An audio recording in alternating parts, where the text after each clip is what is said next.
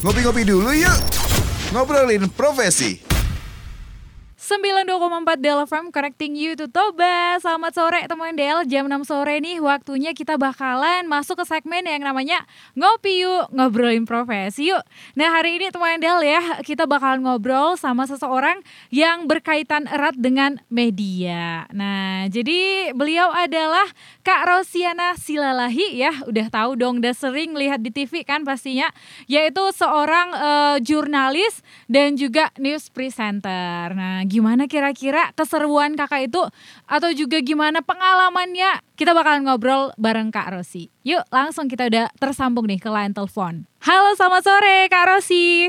Hai, selamat sore. Horas, Horas, Horas. Horas, wih nampak ya ini dari Sumatera Utara orang Batak ya kak? Ah, iya dong, saya Rosiana Boru Silalahi. Silalahi. Uh, sama sama Manulang itu kak. Berarti kita uh, kalau laki-laki marah parah, kita marah piring. Kayak gitu kayaknya. Gimana Kak ini kegiatannya di rumah aja? Aku nggak di rumah aja, aku oh, tiap enggak. hari ke kantor. Oh gitu Kak, terus gimana kegiatannya Kak? Tiap hari tetap ke kantor, Mm-hmm. eh, tapi tetap men- dengan menjalankan protokol atau standar yang sudah eh, diwajibkan untuk apa eh, dalam rangka penanganan virus corona Virus ini. corona. Kenapa Hmm. saya ke kantor? Mm-mm. Karena bagaimanapun juga kan reporter-reporter Kompas TV itu kan masih di lapangan Iya ya. untuk bekerja dan juga ada produser-produser yang di kantor atau di ruang redaksi yang harus bersiaran, Mm-mm. menyiapkan berita. Jadi eh, pemimpinnya juga harus bersama timnya dong di kantor, jangan di Yes, rumah. bener.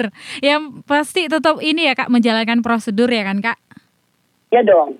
Eh, jadi satu eh, kantor di Kompas TV Mm-mm. eh, berkala di disinfektan ya kan, Oke. untuk memastikan paling tidak eh, kita jagalah standarnya. Lalu di pintu masuk juga sudah ada ruang disinfektan, Mhm. lalu ada hand sanitizer, kita Oke. wajibkan mereka untuk eh, pasang masker gitu. Hmm. Jadi buat kami-kami yang memang tidak mungkin ada di rumah, rumah, karena iya. kami harus eh, bekerja, Iya. Tetap harus menjalankan prosedur itu. Oke siap kak. Dan eh, kita kalau mau ngobrolin profesi kakak nih kak, yang dari dulu udah senior dalam dunia jurnalistik gitu ya kak. Em, kita ya. kenapa nggak senior kok kak? Eh, jadi pengen tahu gimana sih dulunya kakak mengawali profesi ini kak? Eh, sebenarnya sih em, saya lebih merasa hidup saya itu mengalir aja, mengalir tapi bukan tanpa eh, keinginan atau tanpa tujuan. Oke. Hanya memang kalau ditanya kok bisa sampai seperti ini, Mhm. saya memulainya lebih eh, pada saya dari dulu memang ingin sekali eh, menjadi eh, reporter atau kerja di media sebenarnya. Nah, saya sudah mulai begitu saya lulus kuliah sekitar tahun 96 saya Oke. udah jadi reporter di TVRI gitu. Oke. Eh, baru tiga tahun saya di situ sampai tahun 99 lalu saya ada di liputan 6 SCTV dan Mhm. kemudian sekarang saya ada di Kompas TV. Oke. Ya karena saya memang dari awal ingin bekerja di media sebagai Mhm. seorang reporter, ya saya sebenarnya lebih pada menjalani apa yang harus saya jalani sebagai seorang reporter atau seorang jurnalis Oke. eh, televisi. Ya eh, itu sih lebih kepada ketika saya ingin melakukan sesuatu atau saya punya target ingin jadi seorang reporter televisi, Mm-mm. ya saya menjalankan apa yang harus eh, dijalankan oleh seorang reporter televisi atau saya eh, cari tahu terus Oke. seperti apa saya melengkapi hidup saya supaya saya bisa paling tidak menjadi yang terbaik gitu. Hmm, Nah, bahwa kemudian ada sekarang misalnya saya jadi presenter atau Iya. kemudian saya jadi pemimpin redaksi, iya betul. buat saya itu bagian dari perjalanan aja gitu. Buahnya atau hasilnya gitu ya kak? Itu buahnya atau hasilnya. Karena banyak Oke. banget yang nanya bagaimana jadi apa eh, bisa jadi presenter televisi. Mm-mm. Menjadi presenter televisi itu bukan bukan tujuan atau bukan goal, Oke. tapi presenter televisi itu adalah bagian dari pekerjaan Hmm. dari seorang reporter televisi atau jurnalis televisi. Bahwa kemudian bisa jadi presenter televisi atau presenter berita televisi itu Iya. bagian dari kerjaan. Oke. Artinya bagian dari tanggung jawab sebenarnya. Hmm, gitu. Apakah kakak pernah gitu punya cita-cita dulunya jadi reporter atau suka ngelihat berita gitu akhirnya jadi tertarik gitu kak? Iya sih, dari kecil dulu saya karena dulu tahun 80-an kan Mhm. kita cuma punya TVRI. Oke. Nah, eh, dulu kan ada siaran berita televisi, siaran berita di TVRI dan itu semua relay kan. Jadi eh, Uh-uh. bukan ya karena waktu itu ada TVRI. Eh, hanya TVRI. Dan saya kalau meskipun saya eh, masih SD gitu, saya seneng aja nemenin almarhum papi saya ngeliatin eh, berita meskipun saya nggak terlalu Iya. ngerti. Oke. Terus iya dan waktu kecil ah. eh, waktu saya masih ya masih SD gitu Mm-mm. almarhum papi saya itu setiap pagi tuh dengerin radio BBC Oh oke. gitu. Jadi saya nggak tahu apakah karena kita di masa kanak-kanak kita sering mendapat apa vitamin gitu atau Iya. ada yang sering kita dengar, ada yang kita saksikan. Mungkin secara tidak sadar itu menumbuhkan Hmm. eh, dalam diri saya sesuatu bahwa oh jadi saya tuh dekat dengan eh, berita Media. gitu. Saya Iya, itu karena dari kecil Pak Hmm. ayah saya pagi-pagi itu selalu yang didengarnya tuh radio BBC. Jadi dari TK, dari SD eh, tayangan tentang berita apakah itu di radio ataukah di TVRI zaman Iya. dulu yang satu-satunya Oke. itu bukan sesuatu yang asing buat saya. Oke, berarti memang ada juga ya eh, kayak ketertarikan mulai dari kecil ya kak ya? Iya bisa jadi gitu ya karena dari kecil rasanya orang tua saya eh, secara mungkin secara alamiah menginvestasikan itu dalam diri saya. jadi ke begitu saya makin besar kok kayaknya itu sesuatu yang Menarik. yang ya. De- dekat dengan panggilan hidup saya. Oke, terus kak ngomongin soal wawancara ya, kita udah lihat nih kakak udah wawancara ada banyak orang besar. Nah, jadi Riri pengen tanya dari sekian banyak yang kakak wawancarai, eh, wawancara dengan siapa nih yang paling berkesan kak? Karena banyak banget dan saya sih nggak nggak bisa mengatakan bahwa karena itu tokoh besar jadi itu pengalaman yang menarik. Iya. Buat saya bukan dengan siapanya saya mau wawancara apakah itu dengan presiden, apakah Oke. itu dengan masyarakat biasa. Tapi buat saya bagaimana wawancara itu bisa berlangsung gitu Uh-uh. dan seberapa besar dampak Da- yang bisa oke. diberikan oleh Lewat wawancara, wawancara itu. itu. Ya bisa jadi saya nggak bisa nemuin, saya nggak bisa langsung mengidentifikasi ini yang paling menarik, Oke. ini yang ini enggak juga sih. Ah-ah. Hmm, semuanya buat saya punya cerita yang yang unik. Oke, eh, ada nggak sih bisa nggak sih kak diceritain misalnya ada satu waktu gitu yang bener-bener unik gitu kak? Mm-mm. Misal yang unik maksudnya apa? Waktu Kayak air. cerita, iya misalnya cerita waktu wawancara yang terkesan sampai sekarang misalnya kayak gitu kak? Terkesan sampai sekarang yang udah lama atau yang baru-baru nih? Eh bebas sih kak, yang lama bisa, yang baru juga bisa. Oke. Ya kalau misalnya dulu ya, dulu tahun berapa tuh? Eh, 2006 kalau nggak salah saya ya, apa 2007. Jadi Mhm. udah berapa belas tahun yang lalu. Oke. Em, saya itu sebenarnya sudah ada janji wawancara dengan Presiden Iran waktu itu namanya Ah. Ahmadinejad. Oke. Uh-uh. Nah, tapi ketika dia sudah selesai dengan press conference-nya, saya Mhm. mau wawancara, dia tuh tiba-tiba nggak mau.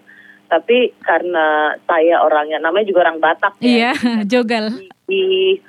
ulet, dan m- menurut saya waktu itu yang ada dalam pikiran saya adalah, loh, ini eh, saya saya punya wawancara dan eh, saya harus bisa mewawancaranya.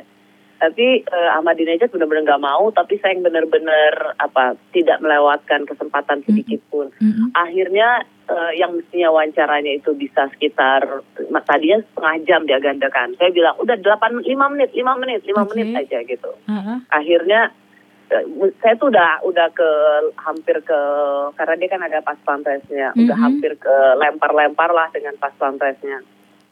Tapi saya tetap gigih aja. Akhirnya dia mau 5 menit, 5 menit Oke. saya dapat wawancaranya eh, lima saya dapat wawancaranya dan itu lebih dari lima menit kayaknya dia udah agak Hmm. mulai emosi Uh-uh. karena saya tuh akhirnya bisa wawancara sekitar 15 menit Wow, Eh, eh, udah lebih. nah lebih banget Uh-uh. nah abis itu dia eh, saya tahu karena dari ekspresinya dia udah mulai nggak suka jadi saya tutup lah wawancara saya Mm-mm. nah udah selesai eh, tiba-tiba malam-malam sekitar jam 12 eh, setengah sebelas setengah dua belasan gitu handphone saya tuh berdering de- miss call-nya banyak banget Oke. yang akhirnya saya saya angkat ternyata itu dari eh, kedutaan besar Iran di Indonesia. Oh. eh, menterinya yang Uh-huh. kebetulan ikut dalam rombongan Ahmadinejad, menteri kom- semacam menteri informasinya gitu Mhm. komunikasinya mau datang ke tempat saya dan memberikan saya piringan Persia Oke. itu adalah permintaan maaf dari Presiden Ahmadinejad Oh. karena ternyata dia salah.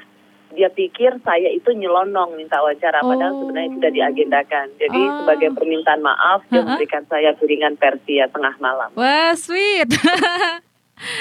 Pantas masih ter teringat sampai sekarang ya, Kak ya. Pasti Betul. perjuangannya dan manisnya dapat gitu, Kak ya. Mm-mm, banget. Tuh, jadi yang itu salah satu sebenarnya kenapa saya selalu menceritakan ini. Saya udah cukup Iya. sering menceritakan ini karena buat saya begini ini sebenarnya salah satu contoh. Mm-mm. Eh, saya sendiri waktu itu nggak nggak tahu apa yang ada dalam pikiran saya. Tapi buat saya yang penting eh, selama kita yakin kita benar, cara kita juga tetap sopan, mes- apa meskipun kita juga eh, dalam tanda kutip nggak mau kalah, kita Oke. harus percaya bahwa setiap usaha itu bisa berhasil. Jadi Oke. Jangan hanya karena ada orang bilang nggak bisa, kemudian kita langsung ya nggak bisa.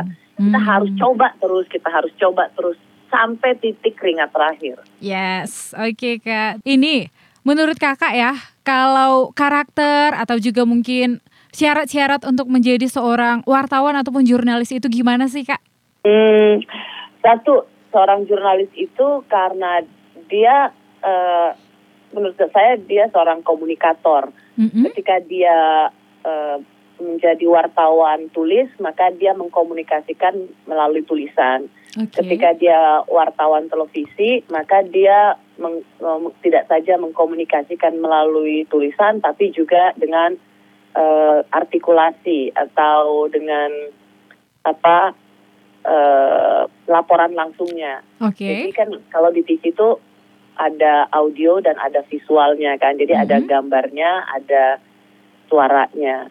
Jadi tapi yang jelas orang wartawan atau jurnalis itu harus selalu ingin tahu Oke. karena dengan dia ingin tahu apakah itu melalui baca, apakah dengan diskusi dengan orang, Iya. apakah ngobrol dengan orang, Oke. eh, itu menambah pengetahuan dia. Itulah sebenarnya yang membedakan antara misalnya wartawan dengan orang yang non wartawan. Hmm. Wartawan itu kan profesi Iya. Dia harus memiliki kelebihan eh, dari sisi referensi. Dia harus tahu banyak gitu. Oke. Dan wartawan itu juga harus memiliki critical thinking atau apa daya kritis. Oke. Karena dengan memiliki daya kritis, kita paham tentang konteks.